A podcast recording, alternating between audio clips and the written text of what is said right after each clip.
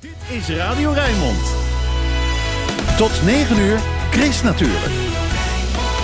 Hier is Chris Veen. Goedemorgen, herfst. De plant van de maand oktober geeft heerlijke nootjes. Ook de eekhoorn en de gaai zijn er gek op. Van waterbuffels in de Noordwaard tot zeehonden op de Hinderplaat.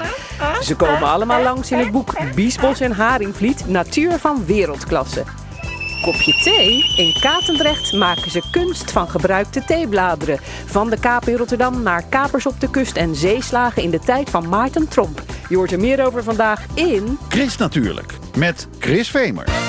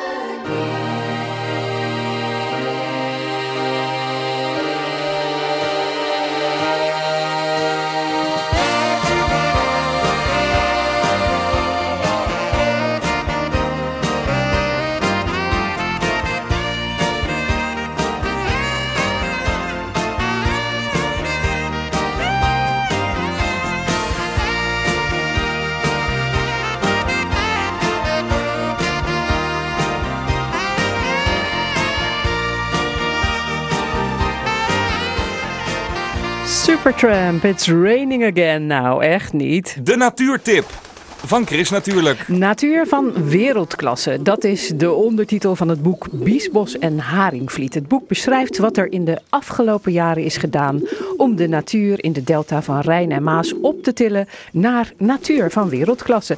Het boek over de natuurgebieden langs het Haringvliet, het Hollandsdiep en de Biesbos is gemaakt door biesboskenner Wim van Wijk en oud-boswachter Jacques van der Neut. De meeste foto's die zijn van Jacques. Ja, bijna allemaal. Alleen de, ja, sommige ontbrekende plaatjes die gebruikte hij gewoon van vrijwilligers die daar al eh 50 jaar liepen. Dus ja, dat moet je zelf dan nog toevoegen. Dus, maar het was een leuke, eh, was een mooie klus. En het mooie nu ook was dat je daar tijd voor had. Want je wist, eh, dan en dan komt het. Nou, dan kun je het mooi indelen. Je kunt rekening houden met het weer en met de zonsopgang en met hoogwater of laagwater. Wim en ik die kozen ervoor om niet de Biesbos centraal te stellen, maar het is één ecologische samenhang. Je doet niet alleen in één gebied iets. Nee, die hele trits in de Noordzee, vanaf de Voordelta, zo stroomopwaarts tot en met de Biesbos. Dus één lang parelsnoer van aan elkaar gebreide gebieden. Dus ja, dat, eh, dat, dat schreeuwt gewoon om een boek. Ja, en we moeten wel zeggen dat dat niet allemaal natuur is. Hè? Want je ziet ook gewoon heel veel industrie. En daar kan de natuur het toch doen. Dat is leuk, hè? Ja, dat is, dat is heel mooi. Ik denk dat je doelt op de, natuurlijk de Sassenplaat in het Hollands Diep. Met de rokende schoorstenen en met s'nachts is het fel licht. Dus ja, er zit ook een, eh, een lepelaarkolonie. Dus die lepelaarkolonie die wordt s'nachts wel even in het zonnetje gezet. Want dat bedrijf gaat 24-7 door. En het is ook aan de andere kant wel leuk dat je met zo'n hectische wereld... en dat daar toch nog plek is voor lepelaar, grote zilverreiger, kleine zilverreiger, noem het maar op. En hoe gaan jullie dan te werk? Gaan jullie dan samen op pad? Ja, Jacques kan niks zonder mij. en ik kan niet zonder hem, want ja, ik heb geen auto. Dus ik mo- mocht altijd meerijden. Of meevaren zelfs. Kappelaars aan? Ja, zeker. Eh, vele gebieden zijn natuurlijk veel natter geworden. En eh, wij hadden natuurlijk van tevoren een opsomming gemaakt van de gebieden waarvan wij dachten van nou, die verdienen gewoon een plek. Dus daar hebben we allemaal namen bij geplakt. Uit mijn werkzame periode nog bestaand bosbeheer had ik wel de nodige contacten. Dus die eh, belden we op. Nou, dan gingen we er samen naartoe. Wim die deed de interviews. Nou, ik deed fotowerk. Dus ja, dat is eh, een goede verdeling, denk ik. Nou, we hebben nog steeds niet gebladerd. Zullen we dat nog Nou, even doen? Ja, we bladeren wel. Een paar mooie plaatjes natuurlijk van het riviereiland 10 gemeten. In de Hoekse Waard, in het Vuile Gat. Natuurlijk een, een ontwikkeling die- die staat daar als een soort voorbeeld voor de totale ontwikkeling in het hele benedenrivierengebied. Want eigenlijk kun je zeggen, bouwland maakt plaats voor natuurland. Dat is toch de ontwikkeling die zich de laatste, wat is het, 25, 30 jaar heeft voorgedaan. Ja, plus natuurlijk dat kiertje. Ja, de Harenvlietsluizen gingen op een kier. Je zegt het goed, kiertje. Nu is het een beetje, ja, laten we maar zeggen, hapsnap. Ene moment als er veel afvoer is vanuit de rivieren, dan zetten ze de kier in werking. Is er een hele lage afvoer, dan gaan de sluizen gewoon dicht. Dus het is niet zo dat de Haringvlietsluizen permanent op een, op een kier komen te staan. Wellicht wel in de toekomst, maar nu nog zeker niet. Ik zie daar een meneer staan, op 10 gemeten. Kent iedereen hem of kende iedereen hem, want eh, hij is overleden. Hugo Schortinghuis. En hij was ooit houder van een paar horecazaken in Den Haag. Kreeg te horen dat hij toch niet zo gek lang meer te leven had. En toen dacht hij van, dan ga ik het ook helemaal anders doen. Hij had al een huisje op 10 gemeten. En hij besloot dan maar, dan word ik rattenvanger op 10 gemeten. Dat heeft hij een hele tijd gedaan, totdat uiteraard het eiland een andere functie kreeg. Toen heeft hij zich nog eens omgeschoold. Hij heeft een golfkarretje aangeschaft. En heeft daar een soort taxibedrijfje mee begonnen. Iedereen die van de pont afkwam, die bracht hij dan met zijn golfkarretje. Niet meteen naar het huisje of het restaurant. Nee, hij moest eerst eventjes langs zijn winkeltje. Om daar nog wat leuke dingetjes te kopen. Zoals streek-eigen producten. Zijn eieren. En zijn honing. Ja. En eh, wat zijn de mensen daar aan doen op die foto? Ze- Ja. Mensen staan met hun eh, voeten in het water. Ja, ja, de, in, ja, we kunnen wel zeggen dat in het algemeen al die veranderingen die pakken voor de natuur heel goed uit. Hè, Denk alleen maar aan de veelbesproken visarend en de zeearend. Maar af en toe komen er toch ook zaken aan de orde die we toch niet zo leuk vinden. Op deze ja, pagina zie je vrijwilligers die zijn voor natuurmonumenten in de weer. En die verwijderen met de hand de waterteunisbloem. Een eh, invasieve exoot per jaar. Ja, kan die honderden meters bedekken. Dus daar zaten we niet zo op te wachten. Wim, heb je ook favoriete foto's die Jacques heeft gemaakt? Ja, dan moet je eens achterin kijken. Dat zijn echt schitterende foto's. Daar hebben we trouwens wel voor moeten vechten hoor. Dat we er nog een paar pagina's bij kregen. Wauw, ja. kijk nou eens even. Ja, dit is eh, Hollands polderland in eh, volle glorie. Het is de, de Lauw Simonswaard. Een enorme wolkenluchten. En het was toevallig ook hoogwater, dus zo'n streepje dun. Zo'n heel flinterdun laagje water op de voorgrond. Dus ja, ik vond dit ook een eh, hele mooie. Volgens Wim moest die en zou die erin komen. Dus En Want ik zag ook bijvoorbeeld eh, een plaatje van de kwade hoek en al het afval wat daar eh, aanspoelt. We wilden natuurlijk niet alleen maar de mooie kant laten zien. De rivieren blijken namelijk ook de grootste transporteurs van plastic afval te zijn. Die plastic zoek op zee moet ergens vandaan komen. Ga een keertje kijken als het hoogwater is geweest, zoals de afgelopen zomer. De Biesbos heeft de reputatie om de grootste verzamelplaats van plastic te zijn. Ik vond die foto van die zeehonden wel leuk. Oh, wacht even. We gaan maar een stukje naar voren. Dan heb je het over de voordelta. En in die voordelta heb je natuurlijk uitgebreide, ja, droogvallende zandplaten. Tijdens eb fungeren die als een hele rustplaats voor uiteraard zeehonden. We hebben het dan zowel over de gewone zeehond als over de grijze zeehond. Nou, die grijze zeehond, die stand van die grijze zeehonden, die blijft toch wel vrij stabiel. Neemt zelfs wat toe. En dat is dan weer te danken aan import vanuit Oost-Engeland. Want daar heb je een prachtige eilandengroep liggen, de Farne Islands. En daar heb je alleen nog tienduizenden grijze zeehonden. En blijkbaar is dat voor die zeehonden geen enkel probleem om eventjes die grote plas over te zwemmen en dan hier in de voordelta op zo'n zandplaat te kruipen tijdens eb. Een dagtripje, dat was voor mij nieuw om te horen. Dat de zeehond gewoon eventjes hup, de Noordzee oversteekt en dan hier op een zandplaat even gaat uitrusten. is een sterke beest. Nou, hier aan de overkant is de Noordwaard en daar eh, lopen ook waterbuffels. Een waterbuffel heeft als eigenschap dat hij ook het water ingaat. Hij zwemt goed, hij kan er uren in liggen poedelen. Lijkt me echt fantastisch om dat te kunnen doen. Gewoon, zeker op een mooie zomerdag. Hè? Een Zwitserleven gevoel, zo waar het, waar het al... gepensioneerd, Jacques. Nee, maar dat is, vind ik altijd een heerlijk beeld als je naar die beesten kijkt. Zo ontspannen. Ja, dat is echt, eh, echt geweldig. Ja, de waterbuffels zijn de nieuwe bewoners van de Noordwaard. En ze hebben daar wel, ze zien er leuk uit, maar ze hebben ook een functie. Ze moeten namelijk zorgen dat de watergangen vrij blijven van waterplanten. Het moet open blijven, het water moet snel weg kunnen. Nou, dit plekje waar we nu zijn staat niet in het boek, maar het is misschien wel een, een mooi beginpunt van een tochtje uit het boek wat je hier kunt maken. Ja, zeker. We zitten hier in Fluitenkruid en eh, vlak bij de kop van het land. Dus ja, dat is een ideale plek. Hier eh, kan je zo je fiets pakken, hier kun je wandelen, hier kun je overal naartoe. Je kan de pont pakken voor de Noordwaard, dus uitstekende plek. Zullen we naar buiten gaan dan? Doen we.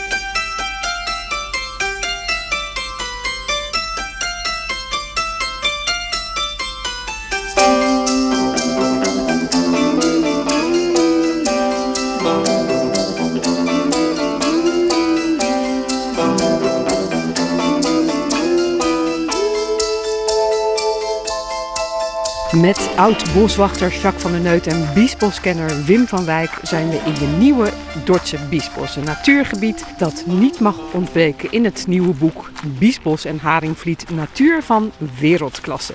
Zo, dit is wat jullie eh, deden bij het maken van het boek. Gewoon op een eh, stuk steen klimmen, bijna in het water vallen. Nou, zo erg nog niet, maar ja, we hadden wel natuurlijk van tevoren bepaalde aandachtspunten die we, die we sowieso uitpikten. Nou, bij de planvorming van de, de nieuwe Dordtse Biesbos werd er natuurlijk veel graafwerk verricht.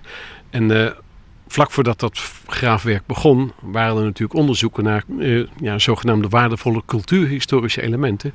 Nou, hier eh, staan we bij de Hania-sluis. Het is een oude uitwateringssluis.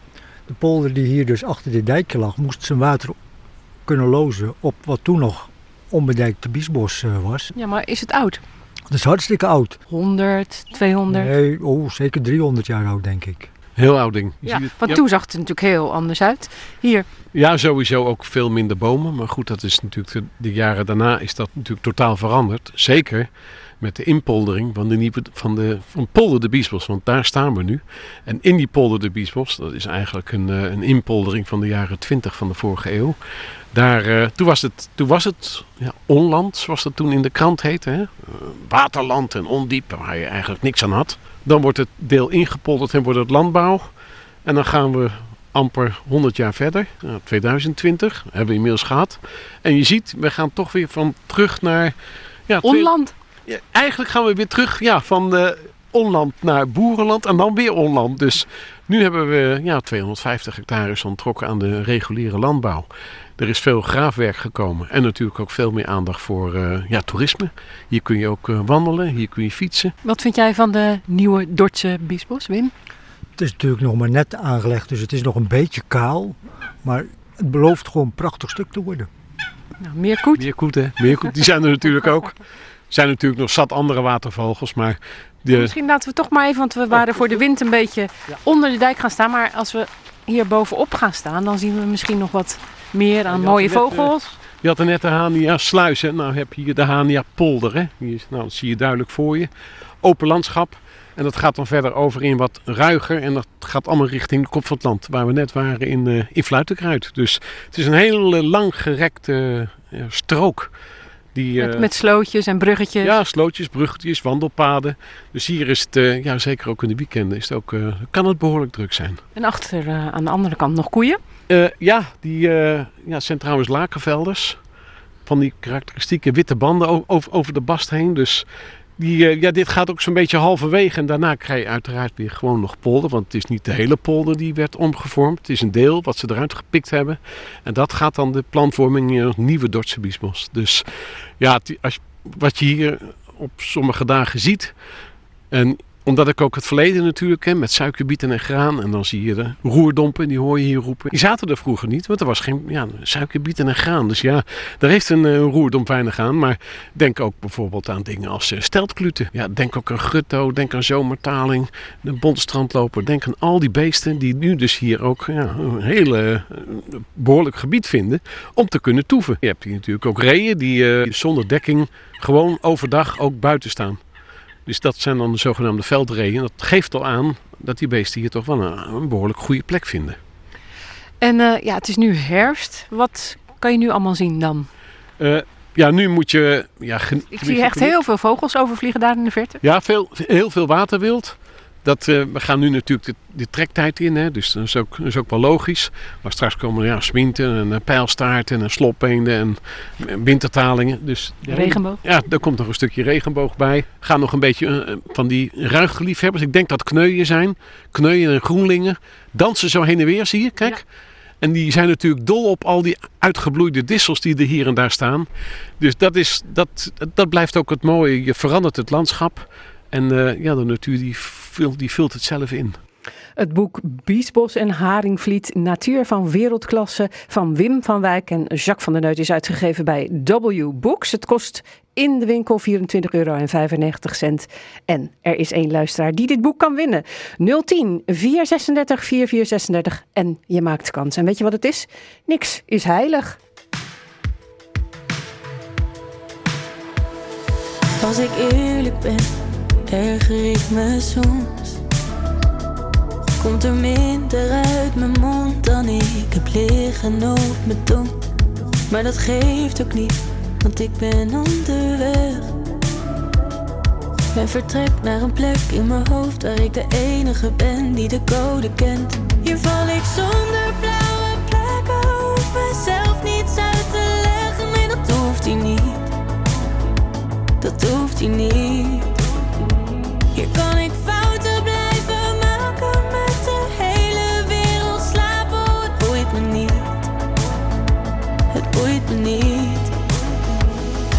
Is het veilig en niks is heilig. Hoef mijn gesprekken niet te wissen, mag me honderd keer vergissen. Deze plek is veilig en niks is heilig. Ik ga de meningen niet missen, geen beloftes en geen spijt. Als ik eerlijk ben, voelt het best wel goed. Om de dingen te doen zoals het zogenaamd wel moet. Maar soms durf ik niet, voel die ogen in mijn rug. Wat ben ik dan blij met die plek in mijn hoofd waar ik altijd naar vlucht.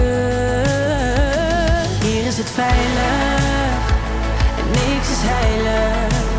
Hoef mijn gesprekken niet te wissen, mag me honderd keer vergissen. Deze plek is veilig en niks is heilig.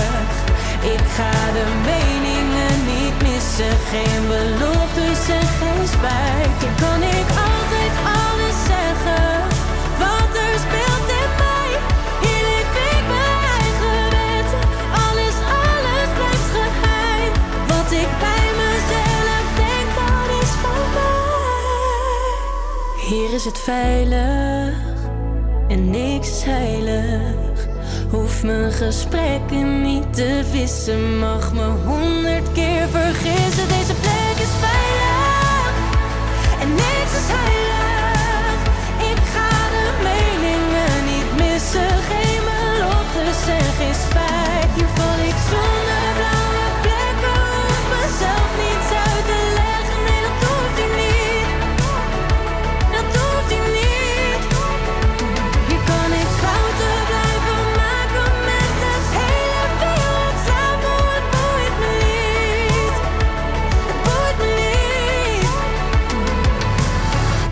Maan was dat met Niks is heilig. Chris Natuurlijk op Radio Rijnmond.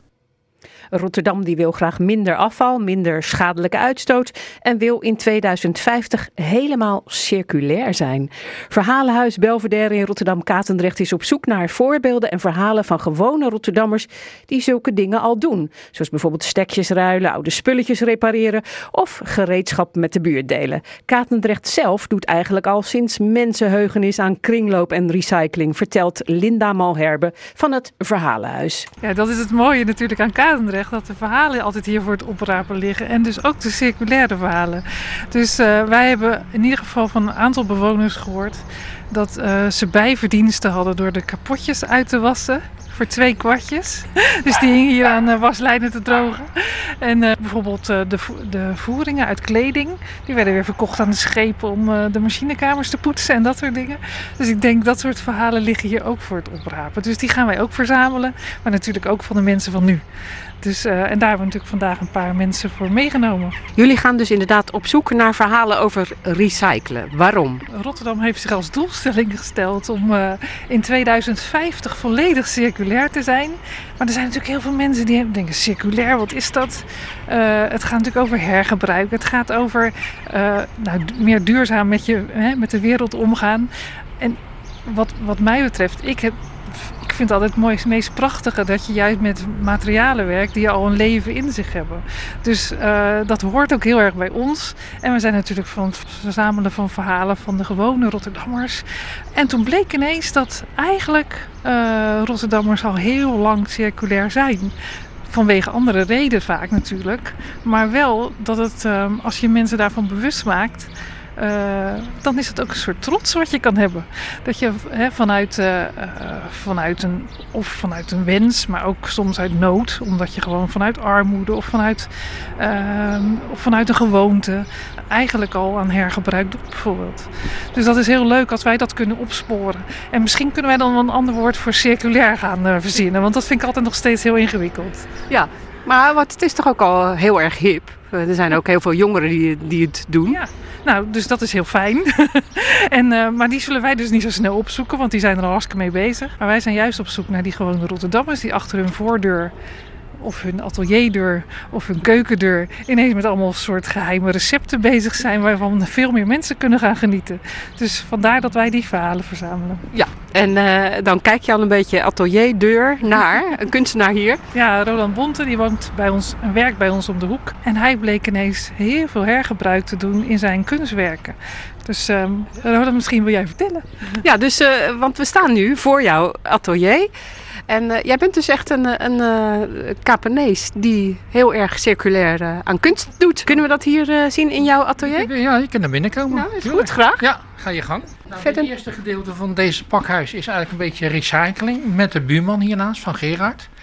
En eh, dat verzamelen, ik heb hier zo eh, wat, je ziet, wat eh, kinderspullen en eh, een beetje nagekeken, zodat het weer eh, hergebruikt kan worden. Ja, dus een oud kinderstoeltje en dan Ja. kaptafeltje, denk ik, voor Ja. kinderen. En dat Dus was kapot. weer- ja, en dat gaat nou weer door. Dus eh, dat wordt opgehaald en dan eh, hebben weer andere mensen plezier ervan. Maar dat niet alleen, want je, je gebruikt het ook in je eigen kunstwerken. Want wat ligt hier allemaal? Eh, Dat is thee? is Groene thee misschien wel? Dit is gedroogde thee. En die, die verzamel ik en die krijg ik ook van de buren. Die, die sparen dat ook op. En dat als het gebruikt is en de thee is opgedronken. En de bladeren die ga ik drogen. En die gebruik ik in mijn beelden en, of in andere objecten die ik eh ga maken. maar hoe blijft dat eh, vastzitten dan? Daar maak ik zelf eh, lijm voor. En dan beelden die hier staan, zijn die dan gemaakt van theebladeren? Eh, sommige wel, ja. Toevallig ben ik met deze, heb ik vanochtend een beetje aan gewerkt. Dit is helemaal van thee. Twee figuren die eh, elkaar omhelzen eigenlijk. En die komen dan op een, eh, een voetstuk te staan als dat beeld klaar is. En dat is, die is gemaakt van koffie. Echt waar? Is ja. dat, dat voetstuk van koffie gemaakt? Dit is eh, van koffie, ja. Dat zou je toch niet zeggen? zeggen? Linda, wel? Nee, en het leuke is dat Roland ook nog precies weet van welke koffie. Oh, van eh, welk merk bedoel je? Of van welke Nou, soort? merk niet helemaal. Ehm, die hele donkere kleuren die je hier ziet eh, in, in deze voet. En die donkere die is van, eh van Pets. Koffiepets misschien, ja. Ja, Gewoon. koffiepets, ja. Ik moet eens eventjes nadenken wat het is. En eh, de andere is gewoon van, eh van filter koffie, die ik dan verzamel. Ja, want je hebt net als voorbeeld gegeven thee en koffie. Maar je gebruikt nog meer oude spullen weer voor nieuwe kunstwerken. Ja, bijvoorbeeld als je een beetje daarheen kijkt, dan zie je een, aan de achterkant van een schilderij. Dat zijn eh, oude borstzakken, die eh, gebruik ik als, als doek. Of is dat van de jurk van Maxima? Dat zou ook eens best eens kunnen, ja. ja, ja, ja. Dan hebben ze hem weggegooid, heb ik weer meegenomen natuurlijk.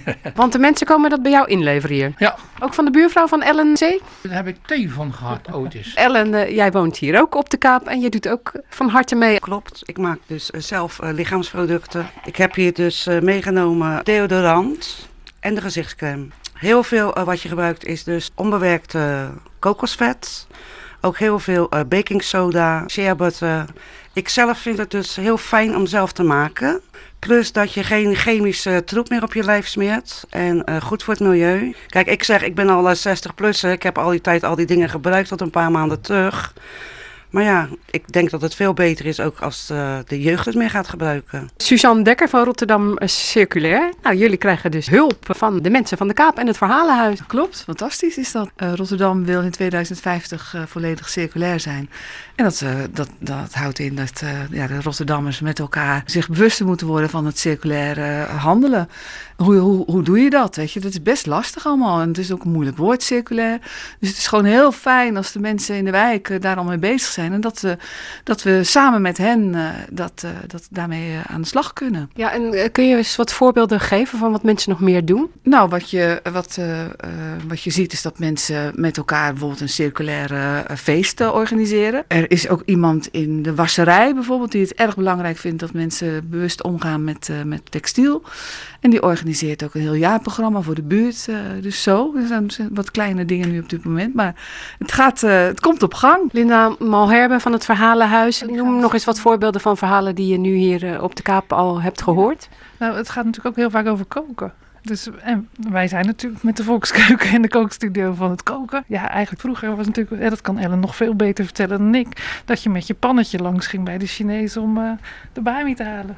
Ja, dat was inderdaad vroeger zo. Gingen de mensen eh, naar de Chinees met een pannetje en dan eh, ja, bami of nasi halen. En dan ging de pan de keuken in en dan kwam die vol terug.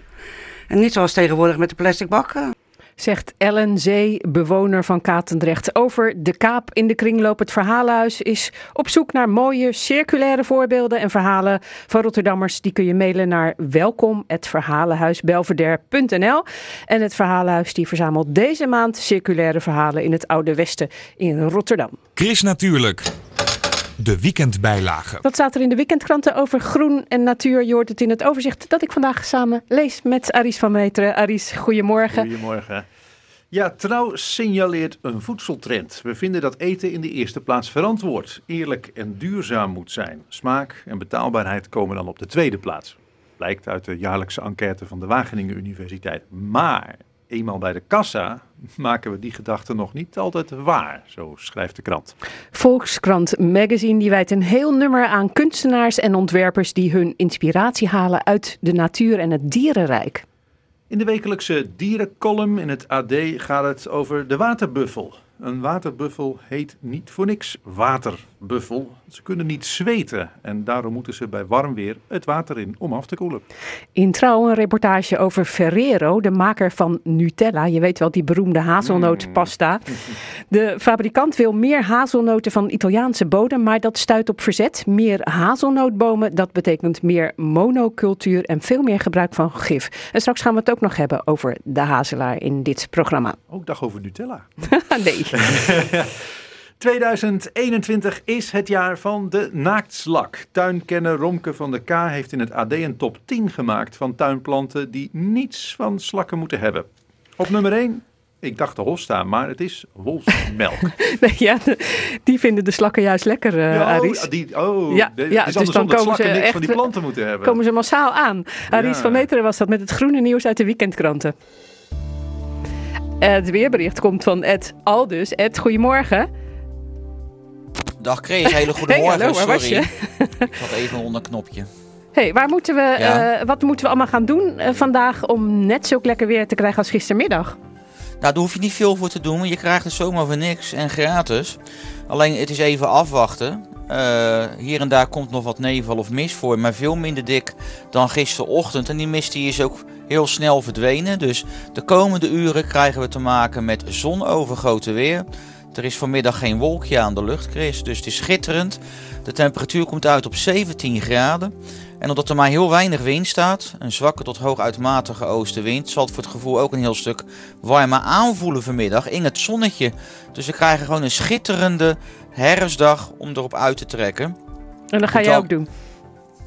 Eh, ja, ik weet eigenlijk nog niet. Lekker met Maar- banjer, banjeren. Ja, nee, dat zeker. Natuurlijk lekker de velden in, want daar is het echt eh, weer voor. En eh, ja, die verwennerij dank, danken we dan, Chris, aan een hoge drukgebied boven het noordoosten van Europa. En ja, die zorgt ook vanavond en vannacht voor heel rustig weer. Alleen maar wat hoge sluierbewolking. Kan wel weer wat mist gaan ontstaan. En het wordt trouwens koud. In het oosten van het Rijnmondgebied, zeg maar de landerijen rondom Gorkum, kan het wel afkoelen naar 2 graden boven nul. En Bijna morgen... nachtvorst. Ja, nou ja, het zou zelfs zeer lokaal kunnen hoor, aan de grond. Eh, maar dat is dan op, ja, in onze regio zeer lokaal. En dan eh, morgen, als die mist is verdwenen, dan eh, krijgen we zonnige periode met wat hoge sluierbewolking. En dan morgenmiddag dan neemt die bewolking echt toe vanuit het westen. En morgen in de loop van de avond is die bewolking dan zo dik. Dan kan er zelfs even een beetje regen vallen. Maar het gaat om hele kleine hoeveelheden en het duurt ook maar heel kort. De temperatuur komt uit op 17 graden morgen. En de wind waait dan uit het noordwesten. En die is zwak tot matig. Dus ja, het ziet er dit weekend eh, geweldig uit. Ja, klinkt goed. En dan eh, begin van de week, zullen we daar ook nog heel eventjes naar kijken? Jazeker. Nou ja, dan zien we een hoge drukgebied ten westen van ons. Die zorgt voor een noordwestelijke aanvoer. Er is tamelijk veel bewolking aanwezig, maar af en toe breekt ook de zon wel door. Soms valt er een klein beetje regen of een lichte brui, bui, maar geen grote neerslaghoeveelheden. Het meest opvallend is de temperatuur, want de middagtemperatuur daalt naar 13 graden. De nachten verlopen juist zachter. En aan zee staat soms een vrij krachtige noordwestenwind. Nou, ik heb echt helemaal zin in het weekend. Wat jij Ja, hè? Ja, het ziet er goed uit. Dus eh, lekker erop uit, zou ik zeggen. Fijn weekend. Fijn weekend, Chris. Luisteren allemaal naar Chris. Kom daar toch. Chris, natuurlijk.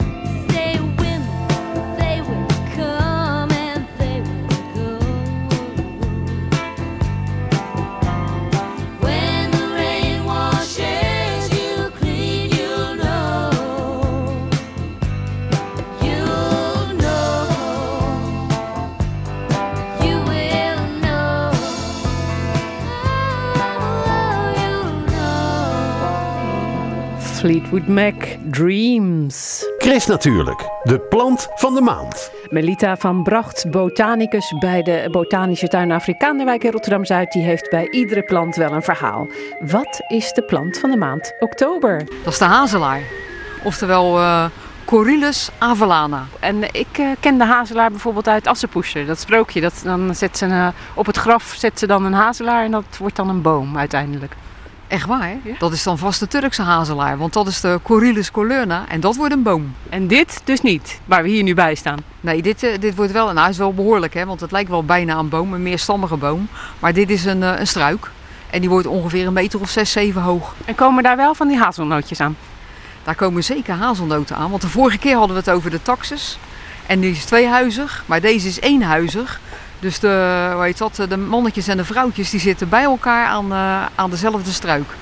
En dat kan je vooral eh, zien in het voorjaar. Want het is de eerste die bloeit van onze inheemse planten. En dan zie je hele kleine eh, meeldraadjes. Maar wel, nou die zijn echt een kleur, weet je wel, bijna kersenrood. En dat zijn dan die, eh, die stampers. Maar uiteindelijk dat stuifmeel van die mannelijke katten die daar aanhangen. Want daarvoor hebben mensen dan ook weer last van eh, zodra dat begint. Dat ze gaan stuiven weer van uh, hooikoorts. Maar dan als je daar dan een tikje tegen aangeeft, tegen die mannelijke katten. Ja, zie je allemaal poederstuiven. Maar ja, het is nu herfst, dus ik vind dat altijd wel tijd voor het zoeken van noten. En hazelnoten vind ik ook lekker. Ja, die zijn ook heerlijk. En eh, hazelnoten die, eh, nou ja, als je mazzel hebt, want het kan ook nog wel eens gebeuren, zitten hazelnootborden erin. Dan zie je een klein gaatje en dan is die ervoor geweest, hè? dan hebben wij niks meer. maar wanneer dat niet is gebeurd, dan zitten de hazelnoten nou ja, aan zo'n eh, aan zo'n struik. En eh, die vallen op de grond, die kan je dan zoeken. Van deze hazelnoot, ja, die is, wel, die is lekker, maar ze hebben inmiddels voor de productie, want dan willen ze natuurlijk grotere noten met, eh, weet je wel, dat wij eh, nog meer van die dingen gaan, gaan eten. Dus allerlei kruisingen. En daar krijg je dan hele grote noten van. Maar deze zijn net zo lekker. Eigenlijk nog lekkerder, want ja, er zit, vind ik, dat is gewoon puur natuur natuurlijk. Het ene jaar heb je meer hazelnoten en andere noten dan een ander jaar. Dat noemen ze dan, het is een goed mastjaar als er echt heel veel van die noten zijn. Ja, dat klopt inderdaad. En is het nu dan een goed mastjaar? Het is voor, eh, voor ik, heb, ik heb voor deze heb ik, eh, ik weet niet waarom, maar er zitten er minder aan eh, dan normaal gesproken. Maar dat, dat kan, volgens mij kan dat ook wel eens verschillen, weet je wel, waar je in Nederland zit. Heb ik het idee, maar ja goed. Ja, want een goed mastjaar is ook weer goed voor de dieren. Voor de, als je op de Veluwe zit of zo, is eh, leuk voor de wilde zwijnen. Voor, niet alleen voor de wilde zwijnen. Als je kijkt naar de hazelnoten, die worden heel vaak door... Tegenwoordig mag je geen Vlaamse gaaien meer zeggen, maar gaaien. Door gaaien worden die, eh, nou niet alleen gaaien, nog meer vogels. Maar die verstoppen ze, ook spechten. Maar spechten die eh, verstoppen ze vaak nou ja, in een holle boom, zullen we maar zeggen. Dat gebeurt wel eens. Maar de gaai, dat is echt een noteneter. En die verstopt ze vaak nou ja, bij holen in de, in, de, in de grond, zeg maar. Maar ook eekhoorntjes doen dat. En eh is gelijk natuurlijk de verspreiding weer van die, eh, van die plant waar die over na heeft gedacht. Want soms wordt natuurlijk wel eens wat vergeten. Waar ze de verstopplaats eh, hadden. En dan eh, ja, kunnen ze kiemen. Kijk, we zien hier ook allemaal hazelnoten liggen. Ja, en eh, volgens mij al helemaal eh, opgevroten. Zijn die van vorig jaar dan? Eh, nee, dat zijn wel de noten van dit jaar. Want die, eh, die zijn nu, eh, hoor je, op aan het vallen. Eh, maar wij hebben hier natuurlijk in de stad... We zitten naast eh, Karel Schot. Daar de vogelklas. de vogelklas. Daar hebben we heel erg veel eh, last van, eh, van muizen en ratten. Want die komen natuurlijk om te eten. En die eten, die eten ook de nootjes op. En geeft ze ongelijk. En jij zoekt altijd nog wel iets op van legende of ja, waar het dan oorspronkelijk vandaan komt. Weet je hier nog verhalen over? Nee, deze keer niet. Maar ik heb wel een ander leuk verhaal. Want wij gaan weer starten met het Groen Atelier. Dat willen we doen op 1 november. Je komt dan eh, bij ons eh, in de leer, zullen we maar zeggen. En we gaan het dan hebben over van alles en nog wat om groene vingers te krijgen. En dan krijg je van onze leerboekje, je krijgt, elke week krijg je ook een onderwerp mee. De ene keer is het zaaien, de andere keer is het snoeien. Nou, noem maar op. Alles wat een, eh, wat een ho- hovenier hoort te weten, dat, dat leer je bij ons. En dat is misschien ook wel handig, juist, want in de winter heb je meestal niet zoveel te doen in de tuin. Dus dat is handig als je het dan nu alvast leert. Precies. En dan eh, weet dat, eh, gaan we meestal vanaf februari gaan we dan echt aan de slag. Dan beginnen we met zaaien en de hele reutemeteut. Je hoeft bij ons niks te betalen, maar wat we van je verlangen is dat je een middagje of een ochtendje terugkomt. En dat is meestal op de maandag, nee, sorry, op de woensdag of op de vrijdag. En je kan je opgeven via eh, Gewoon eh, botanische tuin, dat is www.bta.rotterdam.nl. Dan zien ze jou in het echt. Dan zien ze mij in het echt, klopt. Ja, ook dat nog. Melita van Bracht van de Botanische Tuin Afrikaanderwijk in Rotterdam-Zuid.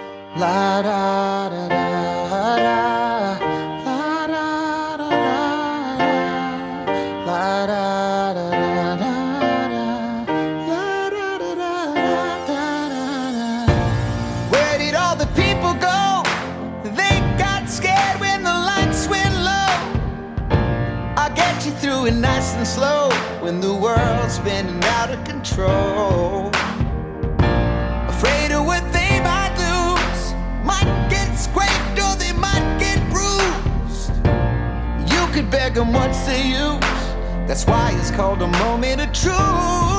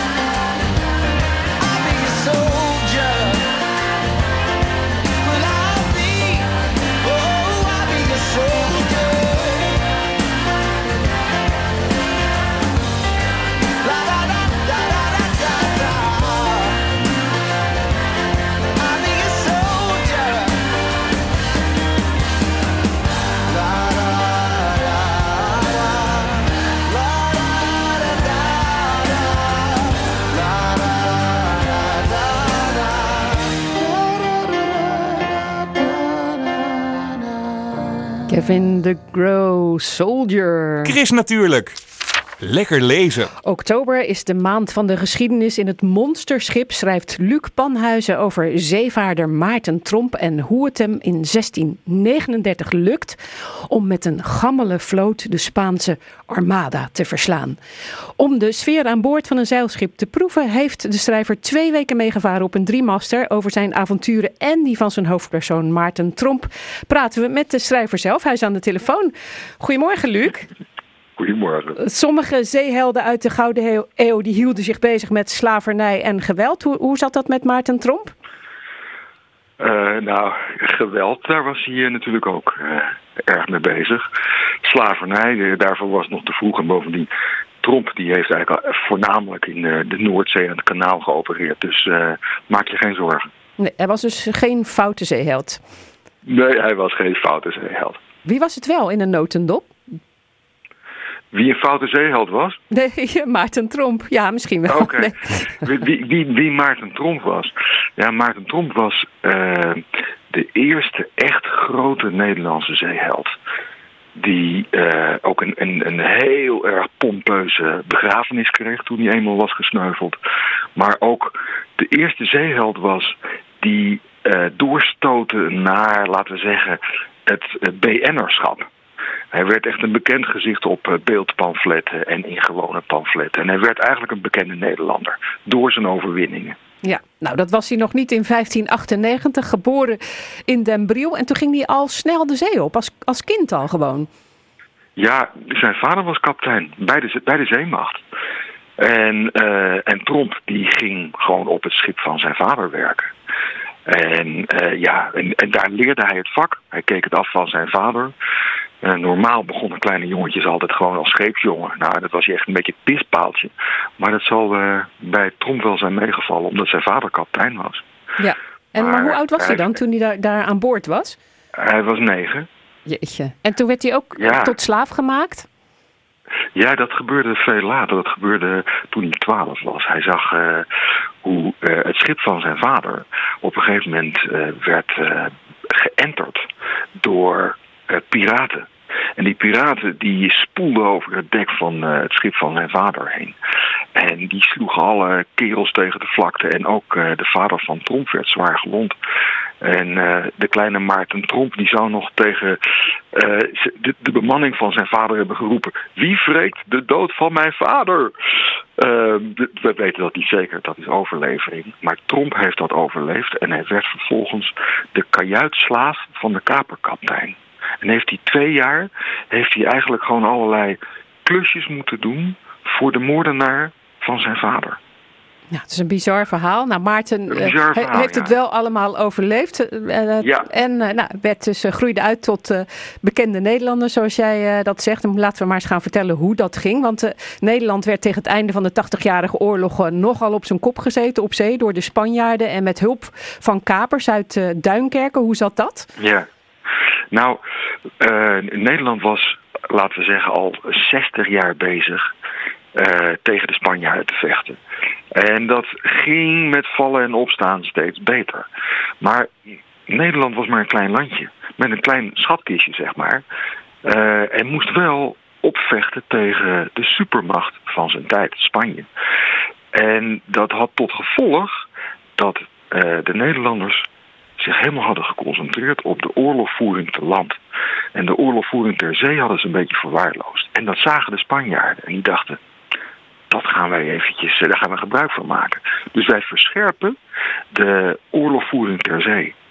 En toen hebben ze die Duinkerker kapers heel veel subsidie gegeven en grote kansen gegeven.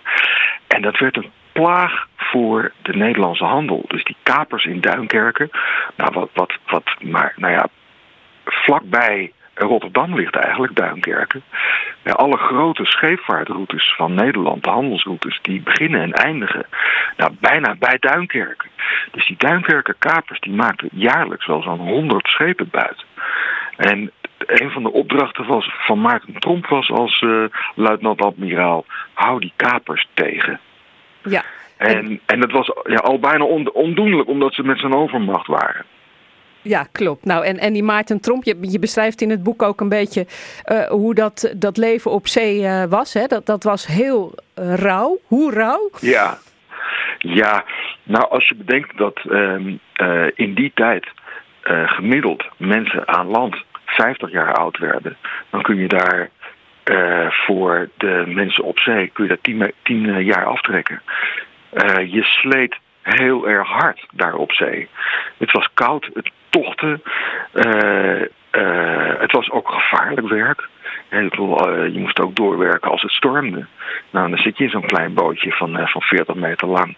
En die golven in de Noordzee, die waren berucht. Die waren heel hoog en. Eh, het, was, dus als je de mast in moest bijvoorbeeld, ja, dan zat je daar gewoon op zo'n op zo'n zo'n dwarshout om dat zeil maar eh, los te krijgen. Weet je, en ondertussen zwaai je eh, vijf meter heen en dan weer vijf meter de andere kant op. Ja, en Weet jij je, hebt dat met jezelf ook ervaren, hè? Om, om een beetje in de sfeer te komen. Ook al kan je dat niet echt vergelijken, maar je, je hebt aangemonsterd op een driemaster. Eh, wat heb Ja. je aan die ervaring gehad voor je boek? Ehm, nou, ik heb, ik heb ervaren wat voor eh, problemen je tegenkomt als je een, een schip goed wil besturen en je bent afhankelijk van allemaal handwerk. Dus ik ben een keer naar het kraaiennest eh, geklommen. Ik heb hoogtevrees. Ik moest 12 meter hoog, terwijl het schip behoorlijk schommelde. Het was zo windkracht 4, windkracht 5. Maar eh, en ik voelde dat eh, die mast die ging van links naar rechts, maar hij ging ook van voor naar achter. En ondertussen draaide hij ook nog een soort van achtjes. Dus het, ik werd echt duizelig. En dan sta je daar op dat kraaiennest en dan merk je ook dat de wind hoog eh, in het kraaiennest veel harder waait dan op het dek. Nou, als je bedenkt dat die eh, matrozen onder Tromp dit moesten doen bij windkracht 11, windkracht 12, echt vliegende storm. Nou ja, dan, dan, dan kun je alleen maar verbazen over dat er niet vaker matrozen de zee eh, invielen of te pletter vielen op het dek. Ja, maar Dus die, dingen gebeurden dingen. natuurlijk eh, wel, hè, Luc? En eh, laten we even ja. teruggaan naar de tijd van, van Maarten Tromp. Hè, want ehm, ja, hij moest dus die koopvaardijschepen en de haringvloot beschermen tegen de kapers. En dat, dat was gewoon eigenlijk een zielig vlootje waar hij mee Ja, voer. En toen moest ja. hij ook nog de Spanjaarden, hij moest ook nog de Spaanse armada tegenhouden. Hè, want die dachten van, eh, weet je wat, wij gaan die landtroepen die gaan we over zee vervoeren. En, Ja. eh, maar het lukte hem eh, wel, want dat was dus die slag bij Duins in 1639. Precies. Ja, ieder jaar zo'n beetje vervoerden de Spanjaarden een grote hoeveelheid soldaten, dus over zee, van Noord-Spanje naar Duinkerken. Dus naar het Kapersnest. Dat was tegelijkertijd een soort overslagplaats voor soldaten. En die soldaten gingen dan weer vechten tegen de Nederlanders. Nou, en Tromp had ook als opdracht zo'n armada. eh, Armada is het Spaans voor gewapende vloot. Om die tegen te houden. En dat lukt hem door eh, nou, een slimme list, maar ook doordat de eh, Spaanse admiraal Tromp enorm onderschat. Want Tromp die vaart daar met een vlootje van 12 schepen. En de Spanjaarden die hebben er 50 meer. En dat is het moment dat die, dat die Spaanse admiraal denkt: ah joh, die, die, die pak ik eventjes. En in zijn eigen schip gaat hij dan eh, de aanval. En dan weet Tromp een behoorlijke klap voor zijn kop te geven. Ja, en hij wint het gewoon. En dat is natuurlijk hartstikke bijzonder. Wil je weten hoe hij dat eh, won? Ja, dan moet je gewoon even verder lezen in het monsterschip. Maarten Tromp en de Armada van 1639. En eh, Luc die is morgen ook nog in Rotterdam om zijn verhaal te vertellen. In De Doelen, het geschiedenisfestival in De Doelen in Rotterdam. En op 23 oktober geef je ook nog een lezing in Boekhandel Donner in Rotterdam. Luc, hartstikke mooi boek. En eh, veel plezier nog in de maand van de geschiedenis om meer over jouw boek te vertellen. Het monsterschip dus, Maarten Tromp. Het is uitgegeven bij Atlas Contact. Kost in de winkel 29 euro en 99 cent. En er is één luisteraar die het boek kan winnen. 010 436 4436 en je maakt kans. En daarmee zijn we aan het einde gekomen van Chris Natuurlijk. Een programma van Chris Vemer, Aries van Meteren, Danielle Koren en Roeland Koppers. Kuppers die werkten mee. Morgen Chris Natuurlijk op zondag met het beste uit de natuur van afgelopen week. En volgende week zaterdag in Chris Natuurlijk laatste kans om je uit te brengen op een iconische boom uit Rotterdam. En straks drie uur lang iconische muziek voor volwassenen, uitgekozen door Johan Derksen. Een heel fijn weekend en graag tot morgen of anders volgende week.